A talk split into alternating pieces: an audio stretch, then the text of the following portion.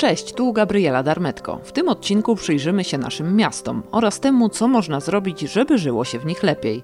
Jak mogą pomóc w tym aplikacje na smartfony, co zmieniają tramwaje i dlaczego coraz rzadziej słyszymy dźwięk kosiarek. O wszystkim opowie Bartłomiej Kozak z Centrum UNEP Grid Warszawa.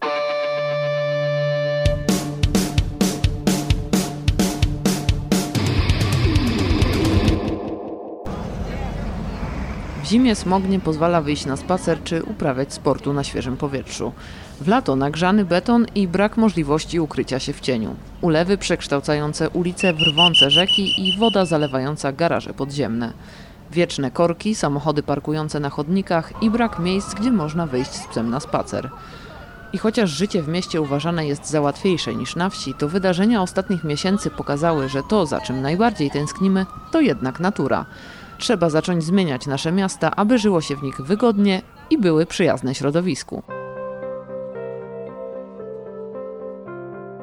Przede wszystkim to, o czym musimy pamiętać, to to, że każdy ten problem, o którym mówimy, jest ze sobą wzajemnie bardzo często powiązany.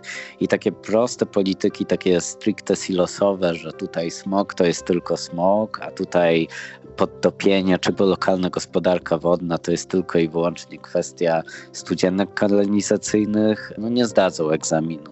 Potrzebne są kompleksowe działania i na przykład jeżeli chodzi o smog, no to wiemy doskonale, że jednocześnie potrzebujemy działania bardzo pilnie z zakresu walki z niską emisją, na przykład poprzez przyłączanie lokalnych sieci ciepłowniczych i ich rozbudowę, ale potrzebujemy też polityki transportowej, która będzie wspierać jednocześnie poruszanie się pieszo, rowerami czy transportem publicznym i tym samym minimalizować inny typ emisji, a więc emisje z lokalnego transportu. I tak jest z bardzo wieloma różnymi innymi kwestiami, tak jak teraz będziemy się mierzyć, czy to z suszą, czy to z gwałtownymi podtopieniami będącymi efektem zmiany wzorców opadów, również wynikłych ze zmiany klimatu, no to będziemy musieli myśleć o tym w kategoriach bardzo szerokich, czyli na przykład adaptacji do zmian klimatu i takie myślenie już też się pojawia, na przykład chociażby taką strategię adaptacyjną przygotowała Warszawa, 41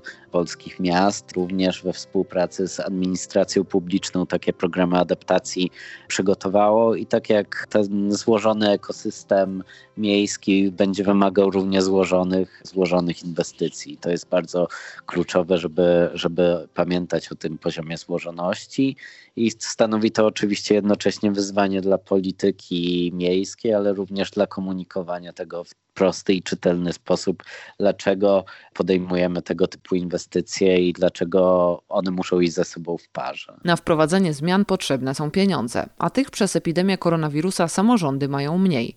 Jednak zawsze można wykorzystać to, co się już ma, lub sprawdzić opłacalność niektórych rozwiązań. Jednym z ważnych takich trendów jest poszukiwanie oszczędności nie za pośrednictwem różnego rodzaju cięć czy zaciskania pasa, ale poprzez bardziej efektywne wykorzystywanie surowców czy energii.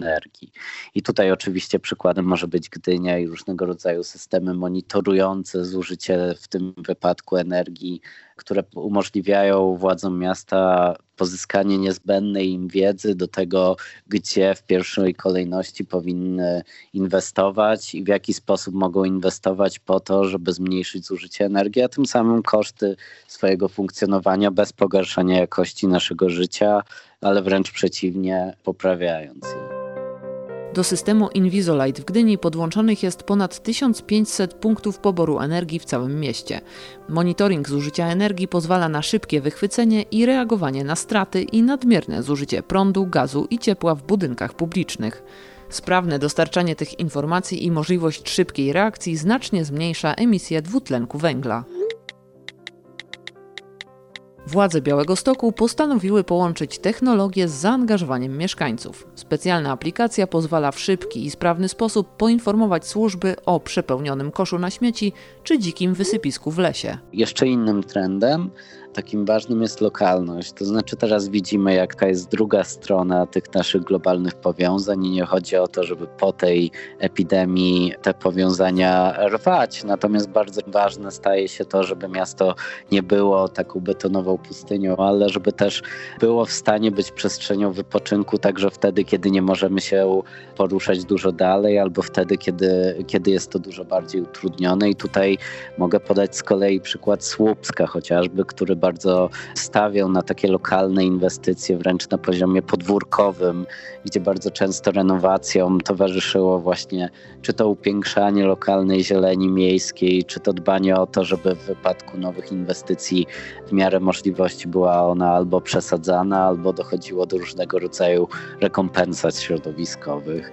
Można też powiedzieć o przykładzie, który też wyznacza pewne trendy, czyli Lublin, e, w którym znajdziemy dedykowany budżet obywatelski na e, projekty zielone. I tutaj właśnie ten fakt, że potrzebujemy miast, które będą mogły oddychać i w których zieleń miejska będzie mogła służyć zarówno naszemu odpoczynkowi, jak i retencji, która się bardzo, bardzo przyda właśnie w wypadku gwałtownych ulew, które będą służyć też poprawie jakości powietrza, ponieważ nie, nie zapominajmy, że najlepszymi filtrami powietrza są te naturalne, czyli drzewa. W Olsztynie ostatni tramwaj jeździł pół wieku temu.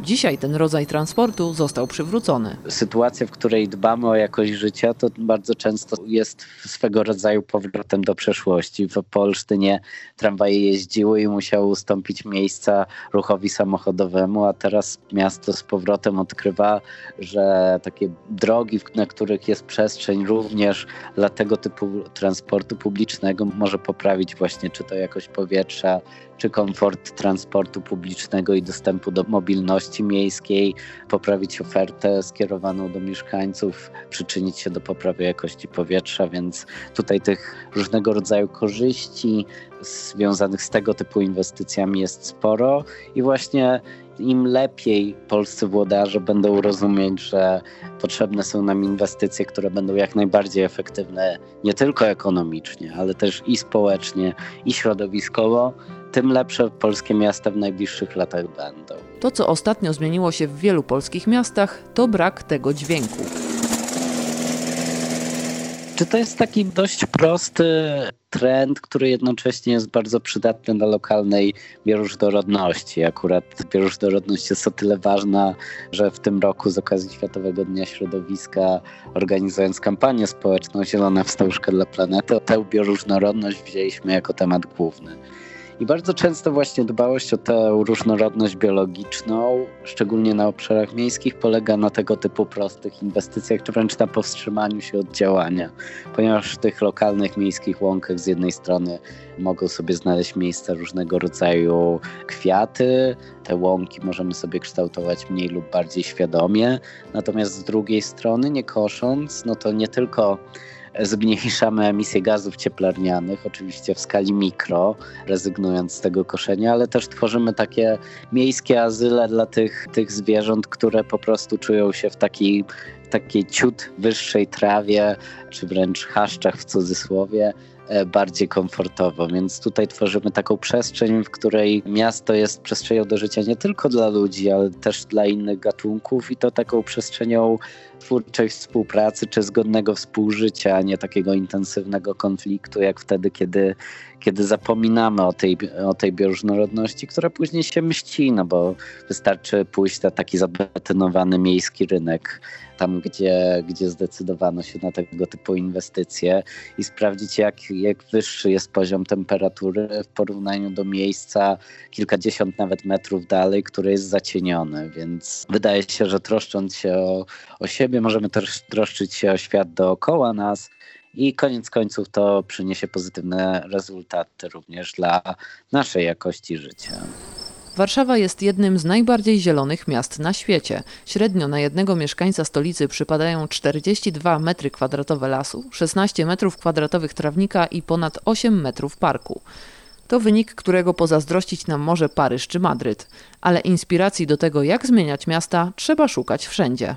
Z każdego można brać trochę i to jest, to jest właśnie pozytywne w polityce miejskiej, że oczywiście pamiętając o tym lokalnym kontekście, o czym nie możemy zapominać, nie możemy tworzyć polityk miejskich tylko na zasadzie kopiuj w klej, możemy naprawdę inspirować się pozytywnymi działaniami najróżniejszego typu, tak jak chociażby Paryżem, który inwestuje w rozbudowę ścieżek rowerowych, inspirować się Londynem, który postanawia wymienić flotę autobusów swoich lokalnych, miejskich, słynnych na elektryczne i robi to we współpracy z kilkoma innymi globalnymi miastami po to, żeby zmniejszyć koszt, jaki, jaki poniesie w wyniku tej inwestycji. Możemy pamiętać o Kopenhadze, czyli tych czy miastach holenderskich, które możemy określić mianem rowerowych stolic Europy.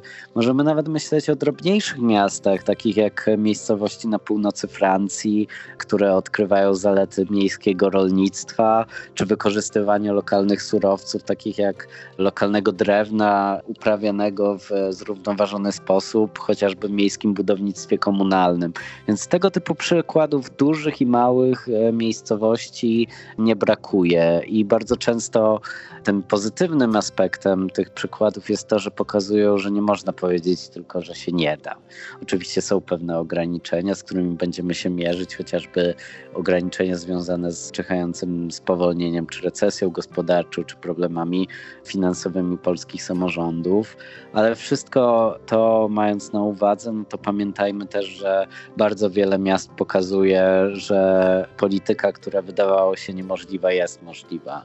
I dla mnie takim inspirującym przykładem jeszcze sprzed paru lat ładnych jest fińskie Oulu, w którym delikatnie mówiąc jest chłodno, by nie powiedzieć zimno, ale w którym dzięki konsekwentnym inwestycjom w infrastrukturę rowerową, ten odsetek podróży realizowanych również w tych chłodniejszych miesiącach potrafiłby zawstydzić nie jedno polskie miasto, ale zamiast zawstydzać powinien właśnie inspirować do tego, żeby nie traktować roweru chociażby po macoszemu, tylko jako pełnoprawny e, środek transportu po mieście. A jeżeli chcecie sprawdzić, jak wasze miasto zmienia się na bardziej ekologiczne, wszystko jest pokazane na geoportalu Ekomiasto. Pod adresem mapa.eko-miasto.pl łamane na mapa znajduje się interaktywna mapa najlepszych rozwiązań ekologicznych, które już funkcjonują w polskich miastach. Geoportal wskazuje 417 projektów ze 139 miast.